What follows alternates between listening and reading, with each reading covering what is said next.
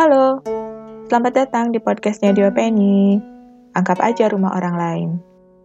Gimana kabar kamu? Sehat-sehat kan?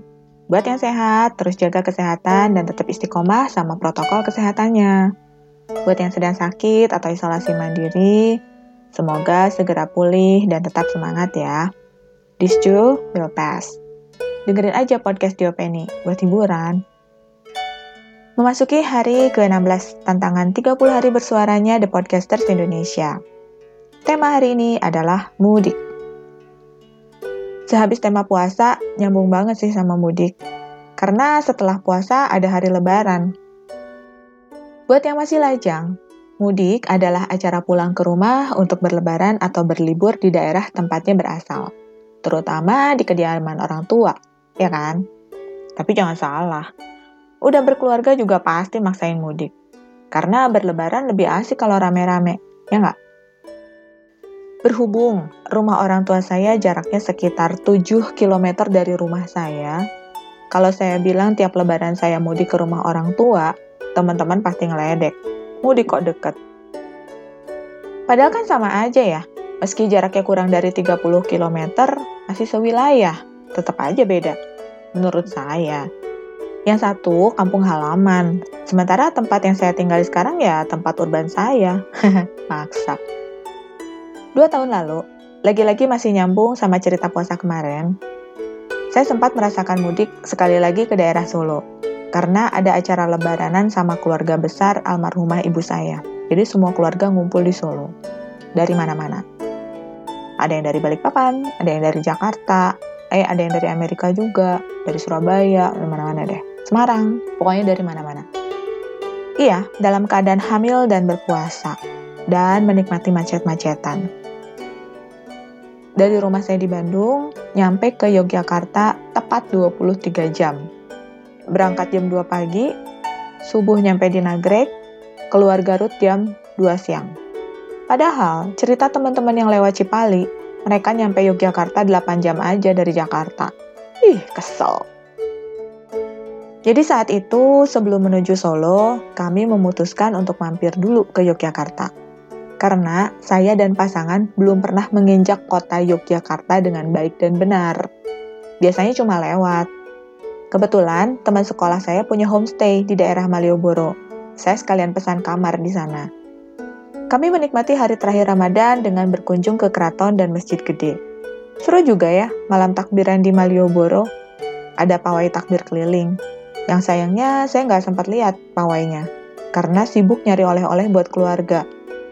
Waktu saya nggak banyak di sana. Besoknya setelah sholat id, langsung berangkat ke Solo, karena pertemuan keluarga besar diadakannya di lebaran hari kedua. Sampai homestay udah tengah malam. Anak saya nomor dua kekeh pengen naik beca. Akhirnya kami berdua naik beca yang kebetulan mangkal di depan homestay. Keliling Malioboro aja. Ekspresi anak saya saat naik beca, priceless. Dia seneng banget bisa naik beca terbuka atapnya malam-malam, di langit banyak kembang api, dan diiringi suara takbiran di mana-mana. Kalau inget ini saya jadi pengen nangis, karena kangen sama suasana itu. Juga karena saat itu, adik bayi masih ada di perut saya, ikut nendang-nendang sama excitingnya dengan kakaknya. Eh, mungkin karena udah lama banget saya nggak mudik jauh-jauh, Mengingat rumah orang tua jaraknya cuma 7 kiloan, jadi pas mudik tahun 2018 itu saya agak norak dengan lihat kanan kiri. Toh bukan saya yang nyetir. Ada pemandangan lucu yang muncul dari pemudik yang pakai motor loh. Yang saya duga mereka udah di usia wajib menikah yang entah aturannya dari mana. Saya nemu salah satu pemudik motor nempelin kertas di punggungnya. Pakai tulisan tangan sih sayangnya jadi hanya dari jarak dekat aja bisa kebaca. Kurang lebih tulisannya gini. Bapak, Ibu, aku pulang.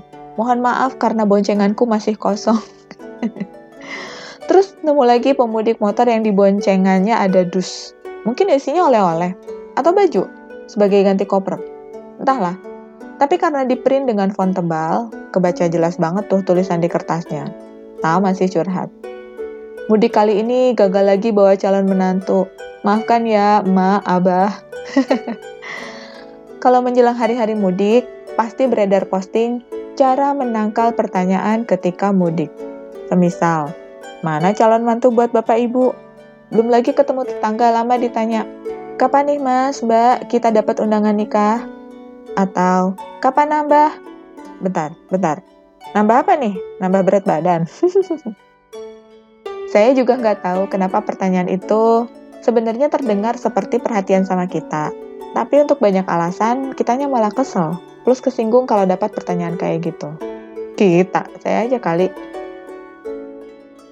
Saya jadi ingat ceramahnya Pak Ustadz Aam Amiruddin di suatu tablik akbar di sekolah anak-anak bertahun-tahun lalu.